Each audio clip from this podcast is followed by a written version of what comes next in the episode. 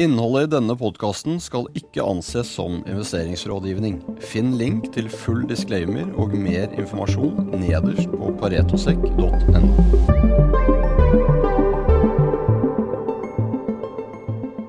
Hei og hjertelig velkommen til årets første episode av Paretopodden. Et uh, riktig godt nyttår til uh, alle våre lyttere, og et riktig godt nyttår til deg, uh, Olav, tech-analytiker i Pareto. Velkommen hit. Tusen takk for det. Vi eh, starter eh, årets første episode med tech, eller TMT som den sektoren så fint heter. Og der tenkte jeg vi kunne touche innpå litt oppsummering fra i fjor. fordi du sendte ut uh, Paretos ukentlige TMT-produkt, TMT Weekly som det så fint heter. Som alle Paretos kunder får, i, i, mailboksen sin. Og, og, der tok du en liten oppsummering av, av 23, Olav. Og det var jo hvis man ser på indeks eh, Nasdaq opp 43% så var det jo et ekstremt bra år for tech, men det var jo store variasjoner innad i sektoren. Absolutt. Eh, det man så eh, gjennom 2023, og spesielt ved inngangen, så var det jo kanskje litt vanskelig å se for seg at 40% opp på Nasdaq var, skulle bli utfallet. Men det man har sett gjennom året, det er jo et par måte dominerende trender som har vært veldig aktuelle. Det ene er jo selvfølgelig AI, og der ble jo på en måte Microsoft uh, den store liksom, vinneren i det spacet i fjor, med OpenAI og alt rundt det. Uh, og så ble også Nvidia en helt fantastisk aksje og story i fjor. så det er jo to aksjer som har på en måte eh, benefitta veldig på de trendene der. Men så har vi også sett egentlig ganske bred oppgang, og spesielt i de større selskapene som har vært med å drive indeksen opp. Um, så er det andre som har vært veldig dominerende i, i tech-markedet eh, i 2023, er jo selvfølgelig renteutviklinga.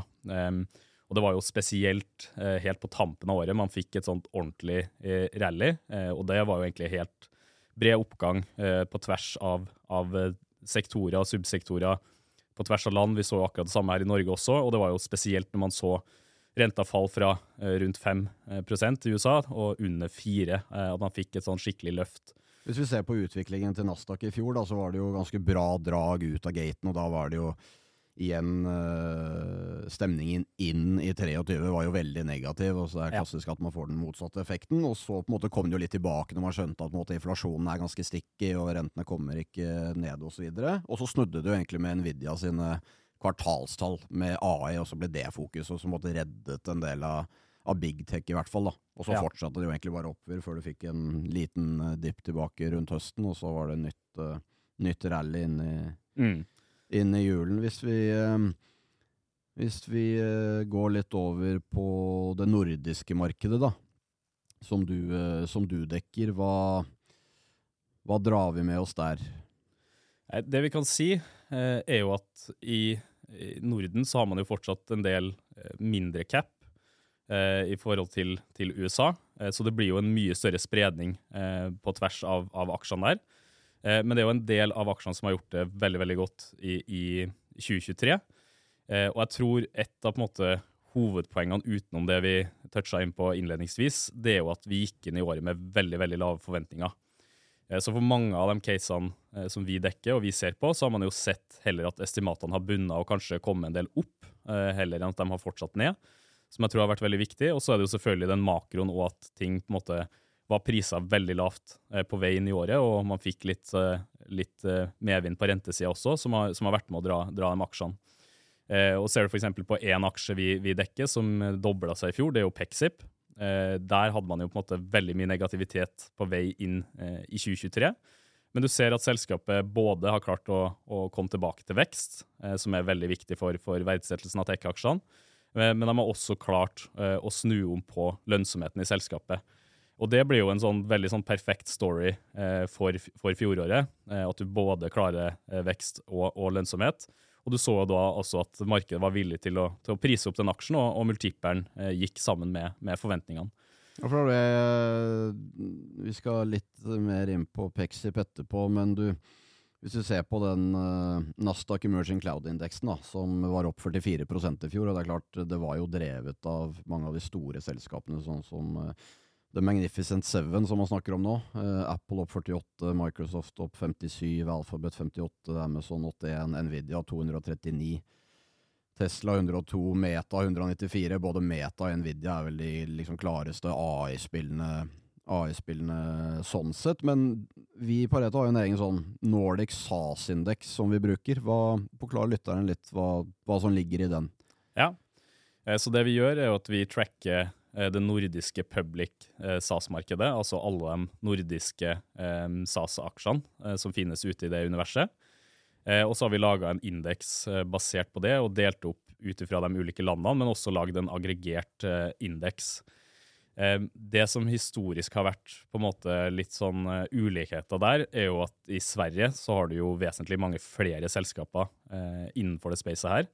Uh, men så har litt mindre kanskje i, Nor i Norge, Finland uh, osv. Uh, før så så man at det var en sånn litt større prisingsforskjell på tvers av landene, men vi ser jo nå at de har konvergert ganske bra i 2023, og man har fått en ganske lik prising på tvers av Norden. Eh, men det som er interessant eh, med eh, den indeksen vår, og som er kanskje et poeng som er viktig å få fram her, det er at hvis vi ser på BVP, så gikk jo EV Sales-multippelen opp fra litt under fem og slutta på seks. Så du har fått et ganske bra uplift på, på multippelen der. Men hvis vi ser på den nordiske indeksen vår, så var multippelen på aggregert basis så var den helt flat gjennom 2023. Så med andre ord så har du ikke sett den samme reprisinga i, i Norden eh, som du har sett i USA. Eh, og det er jo noe som er spesielt interessant nå med tanke på eh, hvordan rentene har bevega seg, og det vi ser nå inn mot 2024. Så skal vi også på en måte være eh, Tenk på det at i, i, Norden så er det jo som sagt en mye small cap, og, og det er også veldig stor variasjon på performancen eh, på de ulike aksjene. Så som sagt så har du sett flere aksjer som har dobla seg, og så har du også sett noen som har, har også lagt bak seg et eh, tungt 2023. Eh, Men Det er jo litt interessant det der, og derfor var det litt interessant at du nevnte Pexib også. For det er akkurat sånn som du sier, det er jo ikke det at de har jo gjort ekstremt mye fundamentalt i businessen. Det er jo egentlig det som har vært turnarounden i caset. Absolutt. Og så er det klart at de kommer til å benefitte av, eh, av lavere renter og en multiple ekspansjon også, men der har de jo virkelig Sånn som du sa, de, de har jo endret uh, ikke modellen, men de har i hvert fall uh, fokusert på lønnsomhet, og det skal vi komme litt uh, tilbake på etterpå, hva på en måte markedet ser på akkurat nå. Mm. Det er derfor det er viktig å ha, å ha, i bakhodet, sånn som du nevnte. Ja, nei, altså Det er helt klart at det fundamentale må jo være på plass også i, i, i tech. Um, og det er jo selvfølgelig de aksjene som og de selskapene som eh, leverer på det, eh, som blir eh, høyest belønna. Og sånn vil det jo alltid være. Og så er det jo selvfølgelig det at hvis du får et år som i fjor, hvor noen aksjer blir reprisa samtidig som du, du øker resultatet, så er det jo selvfølgelig veldig hyggelig for de aksjonærene som sitter i den aksjen. Og da var jo på en måte Pexip et veldig sånn tydelig eksempel på det eh, gjennom 2023, spesielt her, her i Norge. da. Et annet selskap uh, som du dekker, og som vi selvfølgelig må snakke om, det er jo en av fjorårets mest omtalte uh, oppkjøp, faktisk globalt. og det er jo Adevinta. Mm. Det har man jo ventet på en stund, og det har jo vært snakket mye frem og tilbake, men nå kom det i hvert fall endelig et, uh, et firm bid på 115 kroner per aksje til slutt. Hva, hva tenker vi om Skipsted fremover etter, etter dette? Ja, det der har jo vært en veldig interessant eh, story, eh, spesielt i høst. Eh, som du sier, man har jo lenge gått og venta på at man skal få til en strukturell løsning på, på Adevinta. og det har jo Skipsted sin ledelse vært ute og sagt lenge. så har man jo på en måte sittet og venta på hvordan man skal gjøre det, enten om man skal dele ut aksjer eller et oppkjøp eller hva det enn skulle bli. men så var det jo egentlig en sånn veldig fin løsning for Skipsted, måten det ble gjort på det at man får beholde en eierandel i noe som selvfølgelig kan bli verdt veldig mye mer på sikt, men samtidig få eh, en, en, en, exit på, på, deler av beholdninga. Um, og for Skipsted sin del så er det jo veldig viktig um, For Skipsted-aksjen så er det jo veldig viktig uh, at de to på en måte eh, skiller litt lag. Uh, fordi over de siste to årene så har jo basically Skipsted vært et derivat av Adevinta fordi den eierposten har blitt såpass stor. Eh, så det som på en måte skjer eh, i liksom narrativet rundt Skipsted, er at man nå begynner å fokusere mye mer på den underliggende businessen i Skipsted. Eh, så etter på en måte den Adevinta-transaksjonen så satt man jo liksom igjen med, med gode, gamle Skipsted, skulle jeg si, som består av både finn.no og andre rubrikkvirksomheter, men også den tradisjonelle mediebusinessen. Så kom det jo også på tampen av året at Skipsted eh, selger seg ut av eh, news media-businessen sin, som består av VG og andre eh, kjente aviser. Til de av lytterne som de, Det er jo noe på en måte alle kan kjenne seg inn i, men det er jo avisbusinessen, altså yes. legacy-businessen, og den er det jo mange som har den har jo vært en drag på multiplene, i hvert fall etter hvert som Skipsted har utviklet seg mer i den tech-retningen i, i, i, mange år nå. Ja, og det er jo derfor Schibsted har blitt eh, historisk prisa på en rabatt mot andre eh, sånne her rubrikkvirksomhetsselskap. Eh, men når man nå selger unna den news media-businessen, så vil jo 85% av EBITDA-en være ren classified eller rubrikkvirksomhet earnings. Og det er jo en business som har generelt mye høyere multiple enn tradisjonell avisvirksomhet. Eh, og det er jo også noe man har sett i, i, aksjemarkedet, at man nå er mye mer villig til å prise inn eh, den earningsen enn den totale som man hadde, hadde før. så vi på analyseteamet på TMT her i Oslo syns jo at Schibsted har gjort veldig mye rett i høst. Eh, man hadde jo noen litt sånn turbulent periode med den eh, Viaplay-TRS-en, som ikke gikk helt eh, sånn som selskapet sannsynligvis ønska. Men med salget av Adevinta frigjør 25 milliarder i cash der. Selger ut den News Media-businessen, frigjør 6 milliarder der. Og i tillegg får en multiple uplift på, på den rubrikkvirksomheten. Så er det jo veldig mye som, som sjekker av. Men når man ser nå i dag, så er det jo fortsatt litt rabatt på Schibsted versus Spacet. Eh, og, og, det er jo en, en, aksje som også på en måte vil, vil da bli dratt opp av, eh, av eh, et stigende tech-marked og, og, fallende renter. Eh, så det var helt klart en av de mest sånn, interessante eh, storyene som, å, å, følge fra analyseperspektivet i, i, i, høst, og en vi så veldig mye på. da. Hvis vi eh, trasker innom en annen uh, undersektor som uh, det har vært veldig mye fokus på i Norge, men også internasjonalt, spesielt gjennom på en måte den covid-boomen, det er jo semikonduktorindustrien. og Der var det jo en del uh, selskaper som hadde bra performance i fjor. AMD opp 126, Intel 90, Qualcomm 32. Her hjemme så er det jo Nod som på en måte er det navnet man, man ser til. og der der led du jo fortsatt av ettereffektene uh, etter covid. Mm. Eh, det man kan si, er jo at 2023 ble jo et veldig veldig bra år eh, for på en måte utstyrsleverandører, og også dem som leverer, eh, enkelt sagt, datakraft til, til datasentre.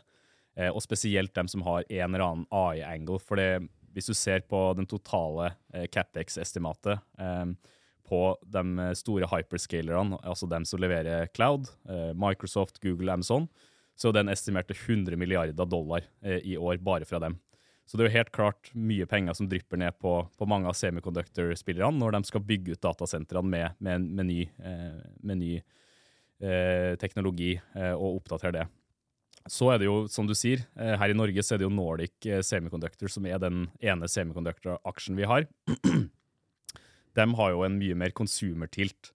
Eh, og det vi så under covid, var jo at når folk slutta å reise, de slutta å bruke penger på å gå ut på restaurant osv., så, videre, eh, så ble det jo mye større spenning på eh, personlig elektronikk. Eh, og det kan jo være alt fra Garmin-klokka, det kan være fra Apple sine AirPods osv., som folk kjøpte veldig mye av. Så har man jo slitt eh, i ettertid på, på etterspørselssiden eh, fra konsumenten på elektronikk. Det er jo både en funksjon av at eh, man har kjøpt veldig mye fra før og ikke har behov for så mye nytt. Og så er det nok også eh, muligens en, eh, en, effekt at du har hatt en litt lengre replacement cycle nå enn det du har hatt tidligere. Eh, samtidig så har man jo også sett i det markedet eh, at varelagrene ble jo bygd opp enormt eh, under covid og etterpå, når man så for seg at den etterspørselen kom til å vedvare. Og så har man jo nå hatt et år hvor spesielt personlig, altså personal eh, electronics eh, og alle som er i den verdikjeden, har fokusert enormt på å bygge ned eh, sine varelager. Og det er jo noe som selvfølgelig går utover spillere som Nod, eh, som leverer chipper inn til det her. fordi da trenger du jo nummer én at selvfølgelig dem som skal lage produkter ut av de chipene, kjøper nye. Eh, men også at konsumenten til slutt eh, kjøper mer elektronikk.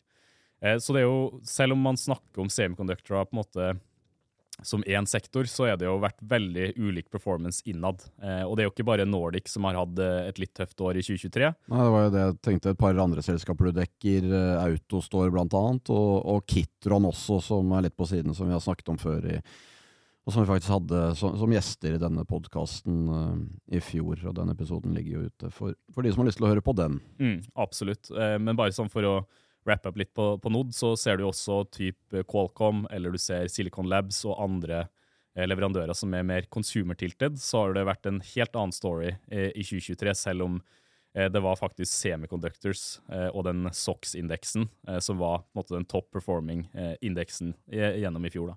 Et annet selskap du dekker, som også fløy voldsomt høyt under covid, og som hadde et ekstremt volatilt uh, fjorår, det er jo Crayon. Ja. Hva, bare dra oss igjennom hva som skjedde der i løpet av 23, for der skjedde jo ganske mye. Ja, Eller skjedde ikke så mye. Litt, kommer litt an på hvordan man ser på det. ja.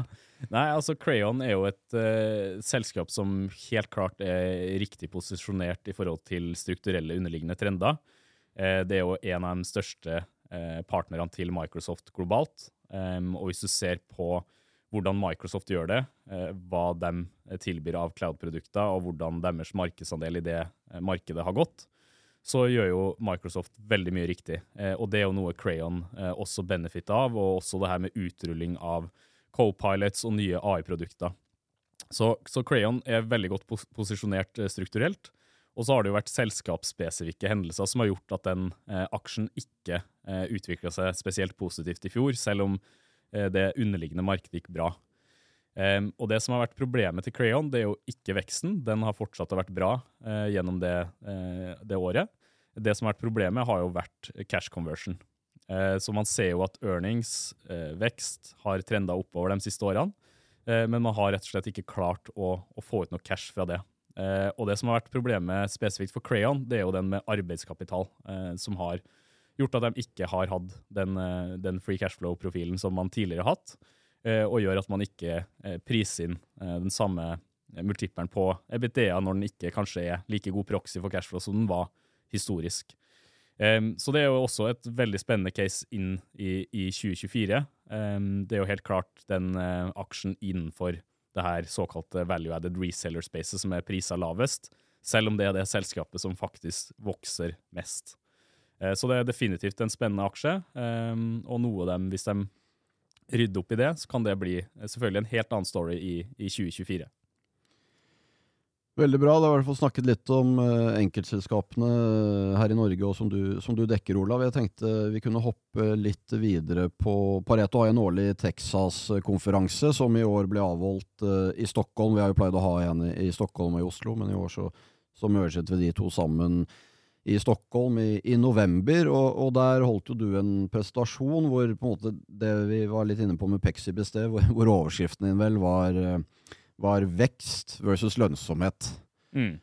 Uh, hva, snakket du om, hva snakket du om der, og hva var budskapet du prøvde å få frem, og hva er det, du, hva er det vi har observert uh, i løpet av, av, 23, og hva ser vi inn i 24? Ja, um, altså For å snakke litt om det, så trengs det jo på en måte litt kontekst. Uh, for hvis vi skrur klokka to år tilbake, um, så var jo ikke lønnsomhet noe eh, markedet var villig til å prise inn i det hele tatt. Eh, vi så at selskap med lav free cashflow eh, versus dem med høy free cash flow ble prisa likt, gitt at de hadde lav vekst. Det som derimot var tilfellet, er jo hvis du så på selskap som hadde eh, høy vekst, så ble jo de prisa eh, igjen eh, nesten dobbelt så høyt som dem med, lav vekst. Men her så man heller ikke noen sånn prisingsforskjell på, på lønnsomheten. Så for to år siden, når man hadde måte, et regime med, med, nullrente, så var det kun vekst som ble, ble prisa inn i markedet. Eh, det man derimot eh, på en måte eh, Det man kan si, da, er jo at du ble jo prisa på en 150% premie hvis du var et høyvekstselskap for to år siden, versus hvis du var et lavvekstselskap. men hvis vi ser på en måte litt videre fra det, så var jo det rasjonelle å gjøre på det tidspunktet, når du får en sånn premie i markedet, det er jo selvfølgelig å gå ut og hente så mye penger du klarer, og deploye absolutt alt inn i vekst. Eh, og det var jo det som var prega 2021 i tech-markedet. Eh, at det var rekordhøy eh, både IPO-aktivitet, WC-aktivitet eh, og alt mulig av kapitalinnhenting til tech. Du hadde jo, du hadde jo en, en, fin graf på det, hvor altså totalt innhentet kapital fra US Tech IPOs i 2021 31 milliarder dollar. Yes. Eh, det var jo helt klart det liksom største eh, kapitalinnhentingen i USA for tech gjennom IPO. Og det var jo det som var det rasjonelle å gjøre. Eh, så har jo selvfølgelig ting endra seg siden da. Eh, og det som har vært den store forskjellen for prising av tech-selskaper, det er jo slutten på gratis penger, eh, for å si det på den måten. Eh, gjennom 2022 og 2023 eh, så så man jo at den amerikanske statsrenten steg voldsomt. Eh, og det var jo ikke bare den nominelle renta som, som steg, men man så jo også at realrenta eh, begynte å stige. Um, og det som er det interessante eh, med akkurat det fenomenet for tech-aksjer som vi eh, så på og trakk fram eh, under vår konferanse, det var jo at i eh, renta, og spesielt når realrenta bikka over null, så endra den premiumdynamikken seg litt. Fordi der man før hadde en premie på høy vekst, så gikk man da over til å sette en premie på selskap med høy lønnsomhet. Eh, så det flippa jo veldig eh, gjennom 2022 og 2023. Og man så jo eh, på, på, tampen av i, i, fjor, før det siste liksom, tech-rallyet, eh, og før renta begynte å falle voldsomt, så ble du faktisk prisa på en 70% premie hvis du hadde høy lønnsomhet versus hvis du hadde lav. Og det, det, du så jo en del del av den effekten også, for det er klart, har du ikke free cashflow, så burner du cash, og hvis ikke du har hentet nok penger, så trenger du å hente penger, og det Det, det var ikke akkurat året å gjøre det på i fjor. Nei, absolutt. ikke sant? Det, det spiller jo selvfølgelig inn her. Eh, hvis du er et selskap som i 2023 eh, og i 2022 eh, investert alt du kan i, i vekst, eh, og så plutselig lukker kapitalmarkedet seg for en periode, så er du jo på en måte litt tvunget til å eventuelt ta en lavere verdsettelse for å hente inn de pengene du trenger, eller omstille og, og, og begynne å kutte kost. Um, og det som er det interessante også å se på her, er jo at idet uh, den valuation-premien uh, flippa, og du så at den gikk mot lønnsomhet og ikke bare vekst, så gjorde jo egentlig tech-selskapene det rasjonelle igjen. De gjorde jo bare det markedet fortalte dem eh, om å gjøre, og det var jo å begynne å fokusere på lønnsomhet igjen. Eh, og for tech-selskaper så er det jo dessverre ofte slik eh, at den største kostnaden er eh, ansatte. Og vi så jo gjennom hele 2023 at eh, selskap begynte å kutte kost. Eh, og det var, det var, jo egentlig der vi startet fjoråret, med bare disse yes. svære Microsoft Amazon dundret ut med. Yes. Og da snakker vi jo ganske mange tusen ansatte ja. som måtte gå. Og det er også Det var jo ikke bare et fenomen eh, hos liksom big tech. Eh, det var jo noe man så Eller det var ikke et fenomen man bare så i små tech, beklager det. Eh, ref på en måte det vi diskuterte litt i sted, med tanke på at kapitalmarkedet var eh, ganske stengt for tech. Men det var jo noe du så også i de store selskapene. Så, så, det var et slags bredt fenomen at selskap begynte å fokusere på lønnsomhet idet den der valuation-premien flippa. Men hvis vi ser litt, litt videre da, så er det jo også en annen faktor som har eh, spilt inn her, eh, som er viktig å få frem. Og det er jo at vekstforventningene eh, gjennom 2022 og 2023 falt voldsomt. Eh, og det var jo noe vi så eh, egentlig overalt i hele verden innenfor tech-spacet. At når man kom på en måte på andre sida av covid og den der ekstraordinære eh, spendinga og investeringa i tech generelt begynte å dabbe av, så så man jo også at vekstforventningene kom ned. Og For det er jo ikke bare sånn at eh, så fort renta stiger litt, så slutter man å, å, prise inn vekst i tech. Det er jo ikke tilfellet i det hele tatt. Vekst er fortsatt en veldig viktig driver. eh, men man så jo at vekstforventningene var mye lavere eh, enn når man gikk inn i den perioden her. Og Hvis vi ser på et bredt utvalg av amerikanske tech-selskap, så så vi at for to år siden så var jo normen uh, og forventninga for nesten alle selskapene at de kom til å vokse uh, mer enn 20 uh, eh, Når vi så på, måte, på høsten i fjor, så hadde jo det, de forventningene blitt kutta veldig. Og da var det jo heller unormalt å vokse mer enn 20 Så det er viktig å få fram her også at vekstforventningene var veldig lav eh, gjennom fjoråret, og også med på å forklare hvorfor eh, aksjene begynte å gå på, på slutten. Eh, så er det jo selvfølgelig den siste spørsmålet, eh, og det vi på en måte også vil ha trekke fram i, i, presentasjonen, er jo at hvis man står i en situasjon hvor eh, lønnsomhet selvfølgelig har blitt veldig viktig, eh, men vi ser jo også at vekst selvfølgelig spiller en rolle, så er jo spørsmålet hva som er det viktigste. Eh, og på det tidspunktet vi hadde vår Texas-konferanse, så så vi jo at eh, hvis du var et høyvekstselskap, så fikk du fortsatt en bra premie i markedet, men du fikk en høyere multiple hvis du var et selskap med lav vekst, men høy lønnsomhet. Så det var fortsatt en ganske bra premie på, på lønnsomhet. Og så er det jo selvfølgelig, hvis et tech-selskap klarer å gjøre begge, så får du jo fortsatt den høyeste multiplen i, i markedet. Um, og når man sto på på det tidspunktet her eh, og snakka om, eh, om, akkurat denne verdsettelsesdynamikken, så er det jo klart og også viktig å trekke fram, uten at jeg er noe eh, sånn geni på, på, rentespådom. Hvis renta skulle fortsette å falle, eh, og noe man også så på slutten av året, så er det jo veldig naturlig å tenke seg at vekst blir mer in favor igjen. Og det var jo også noe vi så, at man begynte å prise opp eh, vekstselskapene igjen. Tusen takk, Olav. Dette er veldig interessante tanker som jeg tror lytterne setter eh, stor pris på. Vi, eh, det er vanskelig å spå, eh, spå, fremtiden, men det eneste vi vet, er at det blir nok et, nok et interessant år. Det blir ikke et kjedelig år, verken i tech eller i, i markedet generelt. Alle Paretos kunder finner selvfølgelig all Olav sin research på, og teamet hans på, på TMT, eh, på online.paretosek.com Jeg takker deg så mye for at du lyttet på denne episoden, og vi høres igjen i neste episode. Vi minner om at denne podkasten ikke inneholder investerings- eller annen type rådgivning. Handel i verdipapirer medfører til enhver tid risiko, og historisk avkastning er ingen garanti for fremtidig avkastning. Pareto Securities er verken rettslig eller økonomisk ansvarlig for direkte eller indirekte tap, eller andre kostnader som måtte påløpe ved bruk av informasjon omtalt i denne podkasten. Finn link til full disclaimer og mer informasjon nederst på paretosek.no.